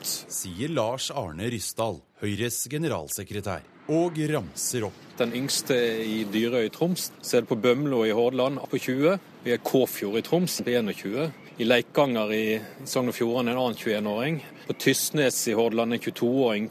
I Verdal i Nord-Trøndelag en 23-åring. Og så i to av byene våre, i Tromsø og i Ålesund. Partileder Erna Solberg mener de unge førstekandidatene er et sunnhetstegn. Dette dreier seg om eh, personlige egenskaper, ikke nødvendigvis alder. Eh, jeg syns jo at eh, man ikke skal undervurdere ungdom bare pga. alderen sin. Reporter Sindre Heierdal. Over 630 offentlige grunnskoler er lagt ned siden 2002, viser tall fra Utdanningsdirektoratet. Nylig vedtok Balestrand kommune i Sogn og Fjordane å legge ned to av skolene sine. Og forelder Renate England fortviler. Jeg blir rett og slett dårlig og kvalm når jeg tenker på at han gutten der på seks år. Så små unger skal sitte så lenge på buss. Førre torsdag ble Nesse og Fjordtun oppvekstsenter i Balestrand to av 639 offentlige grunnskoler som er nedlagde her i landet siden 2002. Felles for elevene er at de får svært lang reisevei til sin nye skole, sier Torodd Fagerheim i Landslaget for nærmiljøskoler. Det sitter altså i dag i Norge unger på buss mer enn en time, og da er det 50 000 elever som har en slik transport. Professor og skoleforsker Rune Kvalsund kaller det den stille eller tause reforma. Reforma ingen har vedtatt. Disse nedleggingssakene blir behandla bare som enkeltsaker på kommunenivå og på kvinnsnivå, men blir ikke løfta opp på et nasjonalt plan og sett i sammenheng. Hva er det som foregår, hva er det vi vinner, hva er det vi taper på dette? Reporter Eirik Hildal. Mobilselskapene gjør seg større og sterkere enn de faktisk er når de reklamerer for sin 4G-dekning. I et tilsyn Forbrukerombudet har gjort, viser det seg at 18 av 19 mobilselskaper bryter markedsføringsloven. Snart så dekker NetCom 4,6 millioner nordmenn med lynrask 4G. Så... NetCom. God dekning, rask 4G. Nei, det er ikke godt nok i seg selv å si superraskt. Det sier Gry Negård fra Forbrukerombudet. Eh, når det er viktig for oss som forbrukere å vite hvilken hastighet vi får, så sier de ingenting om det. Og 4G kan variere alt etter hvilken telefon du har, hvilket abonnement du har og hvor du befinner deg hen. Og det kommer ikke tydelig fram i reklamene som 18 av 19 mobiloperatører har, ifølge Forbrukerombudet. Stort sett alle mobilselskaper nå markedsfører 4G på en ganske aggressiv måte. Både i TV, radio og på plakater rundt omkring. Mobilselskapene fikk brev i desember 2014 med beskjed om at de bryter markedsføringsreglene. De ble varsla om en ny kontroll og oppmoda til å være mer tydelige i reklamene. Vi gjør vårt beste her for å kommunisere tydelig. Vi ønsker ikke å villede kundene våre. Det sier Hanne Løvstad, direktør i NetCom. Vi har allerede gjort en god del tilpasninger i den kommunikasjonen vi har, både reklame og på, på web, og det vil vi tydeliggjøre ytterligere. Men arbeidet som er gjort er ikke tilfredsstillende, mener Negård. Men de har tatt inn med så liten skrift, eller det går så fort i radioreklama sånn at det ikke er mulig for oss å oppfatte at det står der. Vi har fått klare input på, på elementer i tekstene våre, så de ønsker vi endre på, skal endre på, og det kommer vi til å gjøre. Reporter her var Hibba Sarmadawi. Mens færre nordmenn handler på børs, setter flere og flere unge sparepengene sine i aksjer. På høyskolene i Oslo og Akershus har flere studenter slått seg sammen i en aksjegruppe. For meg selv da, så har jeg lyst til å spare aksjer. Det er jo for å tjene penger, da. Å få en annen inntektskilde enn bare jobb. Spare i bankene er så kass, eller katastrofalt. Man forlorer jo på det. Og da kjente jeg at måtte jeg lære meg først. Men det skulle ikke være dårlig å bli rik. Sier Asha Sabas og Asra Fako. Og flere burde fulgt disse unge investorene, mener Lene Refvik. Hun er daglig leder i stiftelsen Aksje-Norge, som jobber for å få flere nordmenn på børs. Det som er bra med at unge investerer i aksjer, er jo at det er den spareformen som gir best avkastning på sikt. Og, og gjør at hvis de sparer mot f.eks. bolig eller ting senere i livet, så har de størst sjanse for å oppnå avkastning på sine penger. Antallet unge børsinvestorer var omtrent 1000 færre for ett år siden. Nå er over 27 500 unge under 29 år aksjeeiere, ifølge Verdipapirsentralen. De unges sult på aksjeklipp skiller seg fra resten av folket. Andelen private aksjonærer har vært fallende lenge. I stedet øker de institusjonelle og utenlandske eierne sin børsmakt. Reportere Sindre Heirdal og Anne Cecilie Remmen. Ansvarlig for denne dagsnyttsendingen er Gro Arneberg. Teknisk ansvarlig er Lars Tronsmoen. I studio Ida Creed.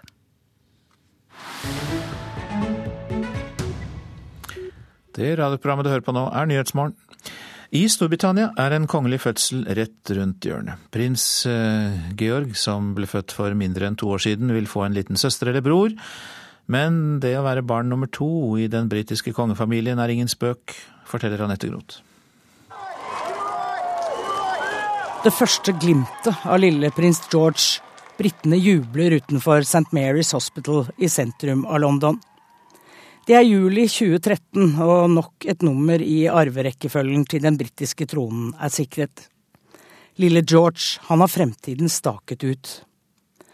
Nå venter prins William og hertuginne Kate nummer to, men fremtiden til denne babyen er høyst usikker, sier den kongelige historiker Hugo Vickers. I think the difficulty is just that one thing that you never quite know if you're going to be called upon, as it were, to become king som nummer to vet du aldri riktig hva du har i vente.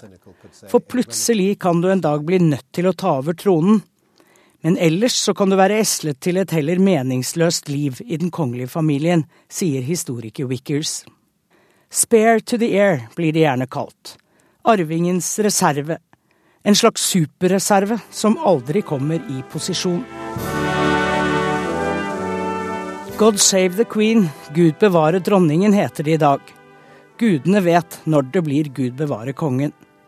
For når vi snakker om toret, kommer vi ikke utenom prins Charles. Dagens tronarving, som egentlig er en ener, men som allerede har nådd pensjonsalder fordi moren hans har så gode gener. Med ham har det vært skandaler. Diana og skilsmisse, Camilla og utroskap. Men tilbake til de ordentlige toerne. De som bare har forblitt i skyggen av en eldre bror eller søster. Det er vanskelig for tronfølgerens yngre bror eller søster.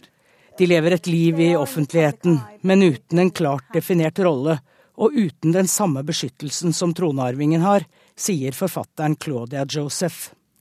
Prinsesse Margaret, dronning Elisabeths yngre søster, var den klassiske toer.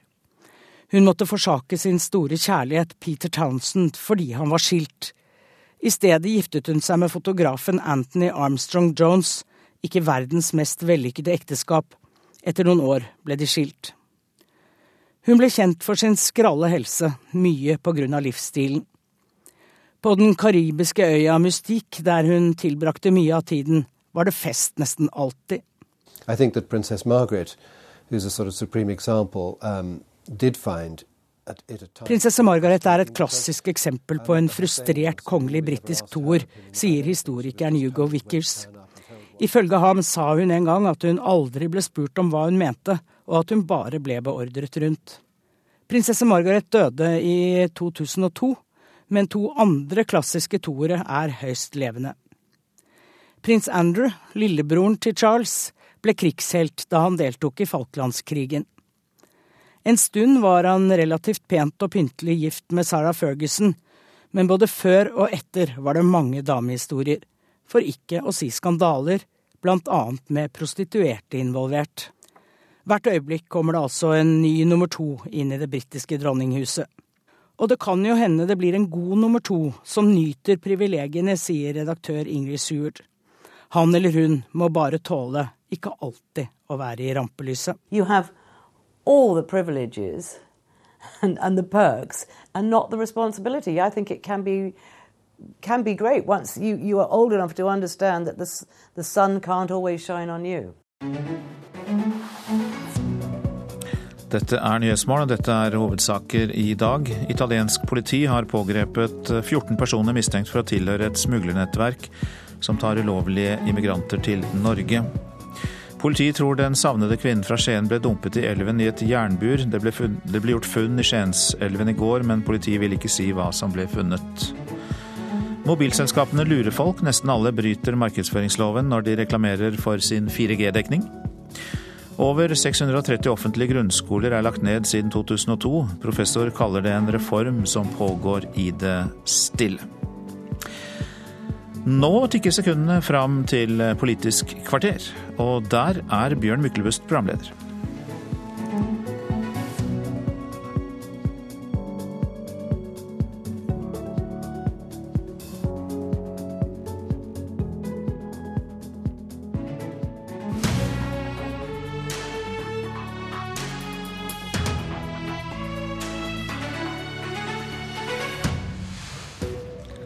Veik, feig, mannen uten ryggrad, tåkefyrsten. Drives det skitten valgkamp mot Jonas Gahr Støre? Mannen som mener dette er en konspirasjonsteoretiker. Jeg blir nesten misunnelig på hans fantasi, svarer Høyre. De møter også en skeptisk konsernsjef som ikke liker forslaget om å endre på sykelønnsordningen. Det kan falle harde ord hvis man rører den ordningen også, men det er du kanskje forberedt på, Stefan Heggelund fra Høyre? Det er jeg forberedt på, og derfor så er det veldig viktig at uh, man skal ikke trekke raske konklusjoner om eventuelle endringer i sykelønnsordningen. Dette er en prosess i det vi liker å kalle Norges viktigste politiske verksted, partiet Høyre. Akkurat, for i helgen er det, er det landsmøte. Ja. Der skal dere diskutere sykelønn. Og til Dagens Næringsliv sier du at arbeidsgiverne bør være med og betale sykepenger en lengre periode enn i dag. Forklar. Ja, skal bare si at akkurat dette forslaget kommer ikke opp på landsmøtet til helgen. Eh, dette er en del av det lange prosessarbeidet som vi har, hvor vi prøver å løse utfordringer vi hittil ikke har klart å løse, eh, og nye utfordringer som vi ser i samfunnet. Og en, en stor utfordring i arbeidslivspolitikken i Norge det er at sykefraværet er for høyt. Og man har prøvd å bøte på sykefraværet flere ganger med relativt begrenset resultat. En av de dyktigste på å gjøre det var jo tidligere sosialminister Ingjerd Schou og det tiltaket hun innførte med gradering av Hvilket parti var hun fra? Hun var fra Høyre. Hun var fra Høyre. Var fra Men fortell om dette, dette, forslaget. Dette forslaget som vi nå vurderer, det er at for å gi arbeidsgivere flere insentiver til å være med på forhindre langtids sykefravær. Og husk at langtids sykefravær er den største utfordringen i sykefraværsproblematikken. Så ønsker vi å utvide det man kaller for arbeidsgiverperioden i sykelønnsordningen. Arbeidsgiverperioden er i dag 16 dager. Det er så lenge hvor arbeidsgiver betaler sykelønna til den ansatte. Vi tenker da på å utvide den arbeidsgiverperioden, slik at arbeidsgivere må betale lenger. Og så er det én viktig ting. Arbeidsgiver skal ikke betale mer. Så da vil de betale en lavere prosentsats i den arbeidsgiverperioden, men arbeidsgiverperioden vil vare lenger. Og da får de en grunn til å gjøre noe med de som blir langtidssykefraværet. Riktig. Konsernsjef i ISS, Hans Jon Øyestad, velkommen. Takk skal du ha. Hvorfor er du skeptisk til dette forslaget? For Det første, det viktigste for meg er at uh, jeg må si det også som leder for de 1500 ansatte som ISS har i Norge, så er jeg nødt til å fokusere på tilstedeværelse og sørge for at arbeidsmiljøet for de som er på jobben, er best mulig. Det er, det er nummer én. Uh, grunnen til at jeg er skeptisk til dette forslaget, er egentlig to grunner. Det ene er at vi har en IA-avtale, integrert arbeidsliv, som fungerer tilfredsstillende. Vi har redusert sykefraværet ved hjelp av den, bl.a. fra 17% for ti år siden ned mot 7% som vi er nå. Og vi jobber for å komme videre nedover. Du trenger ikke flere grunner til å ta tak i Nei, jeg mener at hvis man, man i hvert fall starte der, med å bruke de virkemidlene som jeg mener er tilfredsstillende, som forutsetter at man har et bra samarbeid med fagforeningene, de tillitsvalgte, at verneombud, og at man har et bra samarbeid med Nav. Med de virkemidlene som, er, som ligger i, og insentiv som ligger i IA-avtalen, så mener jeg det gir tilfredsstillende resultater, og vi er et bevis på det. Men hva skjer i ISS hvis Stefan Heggelunds forslag blir gjennomført? At dere ikke, som han sier, betaler mer enn i dag, men over en lengre periode? Ja, Det som skjer, er at vi kommer til å gjøre mer av det samme, og det gjør vi uansett. Sånn at vi kommer til å jobbe tett med Nav i, i forbindelse med denne avtalen. Det kommer vi til å fortsette med. Jeg er redd for at kostnadene våre kommer til å bli høyere, fordi vi allerede, etter min mening, har utnyttet disse insentiv som ligger i IA-avtalen. Men Hvordan blir kostnadene høyere? Kostnadene blir høyere fordi at vi får en, en kostnad som ligger i hele arbeidsgiver, arbeidsgiverperioden. Kan jo risikere, Det er jo ikke blitt sagt noe om, men det kan jo risikere at den blir helt opp mot tolv måneder. Og Det betyr jo at når vi allerede har tatt ut den, så, så, og langtidsfraværet er også vårt største problem. Det er riktig som Heggelund sier, at det er der hovedproblemet ligger. To tredjedeler av vårt sykefravær ligger på langtidsfravær. Men poenget mitt er at når vi får kostnader i forbindelse med det, og allerede har utnyttet incentives, så tror ikke jeg vi får noe effekt av det, og da får vi bare høyere kostnader. Heggelund, tommel ned. Ja, eh, For det første så har jeg lyst til å si at det er mye som er bra med E-avtalen. Og jeg syns det er imponerende at man i en bedrift klarer å få ned sykefraværet fra, var det fra 17 til 7 ja, Det er imponerende arbeid som har foregått i den virksomheten da. Eh, mye er bra med I-avtalen. Jeg tror eh, den reforhandlede I-avtalen i fjor også, hvor, man, hvor det ble mindre byråkrati, mindre skjemaveldig oppfølging av sykemeldte, er positivt. Samtidig så vet man jo at man nasjonalt har slitt med å nå målet om sykefravær som ligger i, i avtalen. Og da må vi se på er ordningen vi har i dag, er den god nok sånn som den er? Eller tenker, må vi fortsette å justere på den, uh, justere på den for å gjøre den bedre? Når det gjelder de konkrete innvendingene, så vil jeg si her var det for det første en frykt for at den arbeidsgiverperioden da skulle vare i opptil tolv måneder. Det tror jeg er urealistisk. Men uavhengig av det. Hvis vi tenker på hvordan en sånn modell skal innføres, så er det helt avgjørende at man gjør det i en god dialog med partene i arbeidslivet. Og jeg syns en av de tingene som var positivt med det oppslaget i Dagens Næringsliv i går, var jo partene, nei, reaksjonene fra partene hvor de sa at dette, man forholder seg til dagens IA-avtale, men hvor man er villig til å diskutere disse tingene i fremtiden. Det syns jeg er bra. Her må vi fortsette å ha dialog, komme med nye forslag om hvordan denne ordningen kan justeres for å fortsette å få sykefraværet ned. For det, det er ingen grunn til at sykefraværet i Norge skal være høyere enn i de landene vi sammenligner oss med. For helsa i Norge er ikke dårligere enn i disse andre landene. Syns du han svarte på innvendingene dine? Ja, til dels. Men jeg må samtidig si at uh, innenfor IA-avtalen, som den gjelder jo tross alt frem til 2018, og den er, uh, den er fornyet nå for uh, ca. et år siden, sånn at vi har god tid til å diskutere. Og innenfor de rammene så er vi åpne når som helst og vi inviterer både deg og Egglund til, inn til oss for å diskutere hvordan vi arbeider med det. For det er, det er eh, viktig. Det andre er jo at det er kun 26% av virksomhetene i Norge som er med i IEV-avtalen. Det er 600 000 medarbeidere som er eh, inn i denne avtalen. Så det er fortsatt et stort potensial for å få flere med. Og det er også offentlige virksomheter som jeg tror har et stort potensial å ta ut. Men du, hvis det hadde blitt enda dyrere for deg når du skal betale for sykelønna, er ikke det nettopp en enda større grunn til å bli enda flinkere? Jo, det er klart det er det.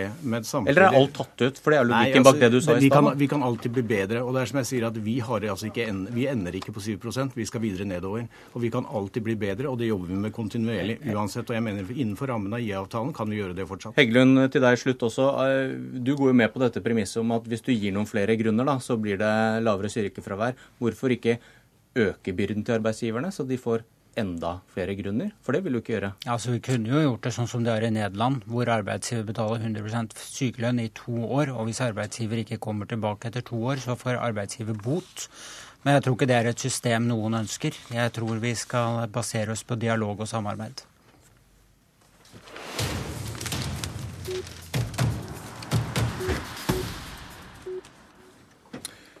Høyres landsmøte til helgen, som vi hørte, Arbeiderpartiets i helgen som var, behandles Erna Solberg og Jonas Gahr Støre forskjellig i den politiske debatten. Vegard Harsvik, leder for strategi og samfunnskontakt i LO, velkommen. Takk. Du mener høyresiden angriper Støres person, ikke hans politikk.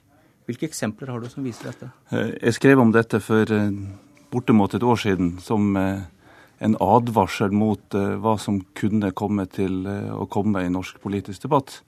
Eh, fordi vi ser hvordan Høyre har importert andre politiske virkemidler fra USA via Sverige og Storbritannia. Og der er denne måten å drive politikk på, gjennom å angripe personers integritet og, og moral og den type ting, det er, det er gjengs vare fra den siden. Men Hvilke eh, konkrete og, eksempler og, kan du dra fram? Og siden så vil jeg jo si at eh, man har blitt sannspådd.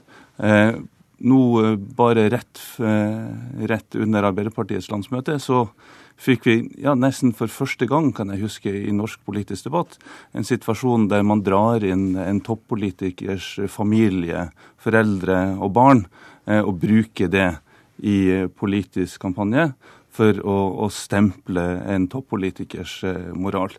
Eh, og du har jo politiske utspill som ingen mening gir, hvis man ikke ser det i denne konteksten. Eh, som Kjell Erik Kalseth i Klassekampen skriver, eh, når Bent Høie er ute og kritiserer Jonas Gahr Støre for å gå Birkebeinerløpet, Eh, så gir det ingen mening hvis man ikke ser det i en kontekst der det handler om å skape et bestemt eh, bilde av Arbeiderpartiets leder. Kristian Tonning Riise, leder i Unge Høyre. Du kaller Harsvik en konspirasjonsteoretiker? Ja, jeg syns jo at, eh, at Vegard Harsvik har en helt egen evne til å sause sammen det som er helt, helt alminnelig kritikk, som er en del av det politiske ordskiftet på en sånn, å eh, sette det i en sånn kontekst som gjør det ganske konspirativt. Bare for å trekke frem den artikkelen som han skrev i, i januar, f.eks. Da klarte altså Harsvik å trekke en rød tråd fra altså helt eh, alminnelig kritikk i politiske debatter til folk som skriver f.eks. Judas Gahr Støre i kommentarfelt og mente at dette var liksom et eh, et uh, uttrykk for den samme utspekulerte kampanjen for høyresiden. Og når du, når, du, når du, klarer å nærmest indikere at Norges statsminister skulle stå liksom, i ideologisk eller en slags, slags uh, konspirativt ledetog med folk som beskylder uh, Arbeiderpartiet for å være landssvikere på kommentarfelt, så mener jeg at da har man en da har man en ganske fantasifull, fantasifull hjerne og en evne til å se paralleller som jeg ikke tror så veldig mange andre ser. Og så bare for å si det, fordi at Alle egentlig, alle Harsviks skriverier er jo egentlig tuftet på tre premisser. Det første er jo at Høyre vi vil egentlig landet vondt, men vi sier det ikke fordi at vi vet at vi taper valg på det. Og Det andre er at vi egentlig ikke vil snakke om politikk, men ønsker å få debattene bort fra politikken. Og det siste er at all kritikk mot Arbeiderpartiet er et resultat av en sånn slu kommunikasjonsstrategi som er pønsket ut i kjellerlokaler på, på Høyres hus. Ja, eh, Det er jo mange år siden eh, man i eh, Høyre begynte å skrive om hvordan man måtte gripe tak i størediggingens strategiske utfordring, som det het i tidsskriftet Minerma, mens det ble ledet av, så vidt jeg husker, Oslo Høyres nåværende leder. Der man konstaterte at den underliggingen, underliggingen smiskingen fra Støre øker sannsynligheten for at en Støre med statsministerambisjoner vil kunne stjele høyrevelgere, som, som han skrev. Eh, men for min del så, så, handler dette like mye om hva slags politisk eh, debatt man ønsker i, i Norge. Om man ønsker en politisk debatt som handler om saker, eller om man ønsker en politisk debatt som handler om den ene eller den andre personen er egnet eller ikke egnet. Og samme dag eh, som man eh, da dro fram eh, Jonas Gahr Støres familie, så eh, gikk Høyres søsterparti i England til angrep på Labours statsministerkandidat i England med virkemidler som brukte hans familie. Han hadde stukket en kniv i ryggen på sin bror, eh, som det het. Og hvordan kan man stole på en sånn mann, heter fra eh, fremtredende talsmann fra det konservative partiet. Så Ønsker vi en sånn type debatt i Norge? Ja, dette er jo et veldig godt eksempel på hvordan Harsvik har helt, sånn, helt febrilsk prøver å lete i høyestaken etter ulike ting han kan forsøke å sette sammen i en, uh, i en sammenheng. F.eks. så trekker han fram en artikkel som er publisert i tidsskriftet Minerva, og prøver altså nærmest skulle tilskrive det noen sånn strategi fra, fra Høyre. Altså Minerva er et tidsskrift. Men hva er det dere holder på med da? Når dere, når dere angriper familie osv. Hva, hva er det et ledd i da? Nå er det ingen som hører noen ting. Det du holder på med, blir liksom omtrent like dumt som jeg skulle liksom finne de mest krakilske kommentarene som er skrevet i Dagsavisen og Klassekampen de siste årene, og så sette det i en sammenheng og si at dette er Arbeiderpartiets kommunikasjonsstrategi Sånn er det jo åpenbart ikke. Jeg tror jeg, at ser, ser du, Riise, ser du samme type argumentasjon brukt mot eh, Erna Solberg f.eks.?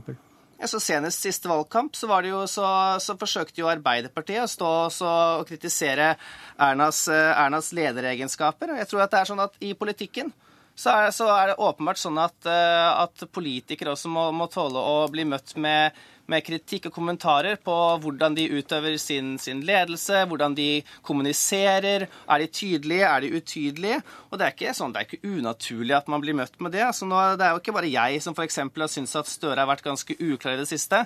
Jeg ser at så å si samtlige intervjuer som Støre har vært i i forkant av Arbeiderpartiets landsmøte, har hun jo møtt journalister som har spurt han hva er det egentlig du Ok. mener? Er Kanskje, kanskje de har rett, de som karakteriserer Støre, er det han sier her, Harsvik? Jeg hører den. Og det er jo en, eh, er jo en, eh, en måte der man ikke diskuterer hvorfor man skal slippe store kommersielle krefter inn i skole og helse, men isteden ønsker å diskutere moral til enkeltpersoner. Vi følger debatten fram mot Høyres landsmøte. Starter på fredag. Politisk kvarter er slutt. Jeg heter Bjørn Myklebust.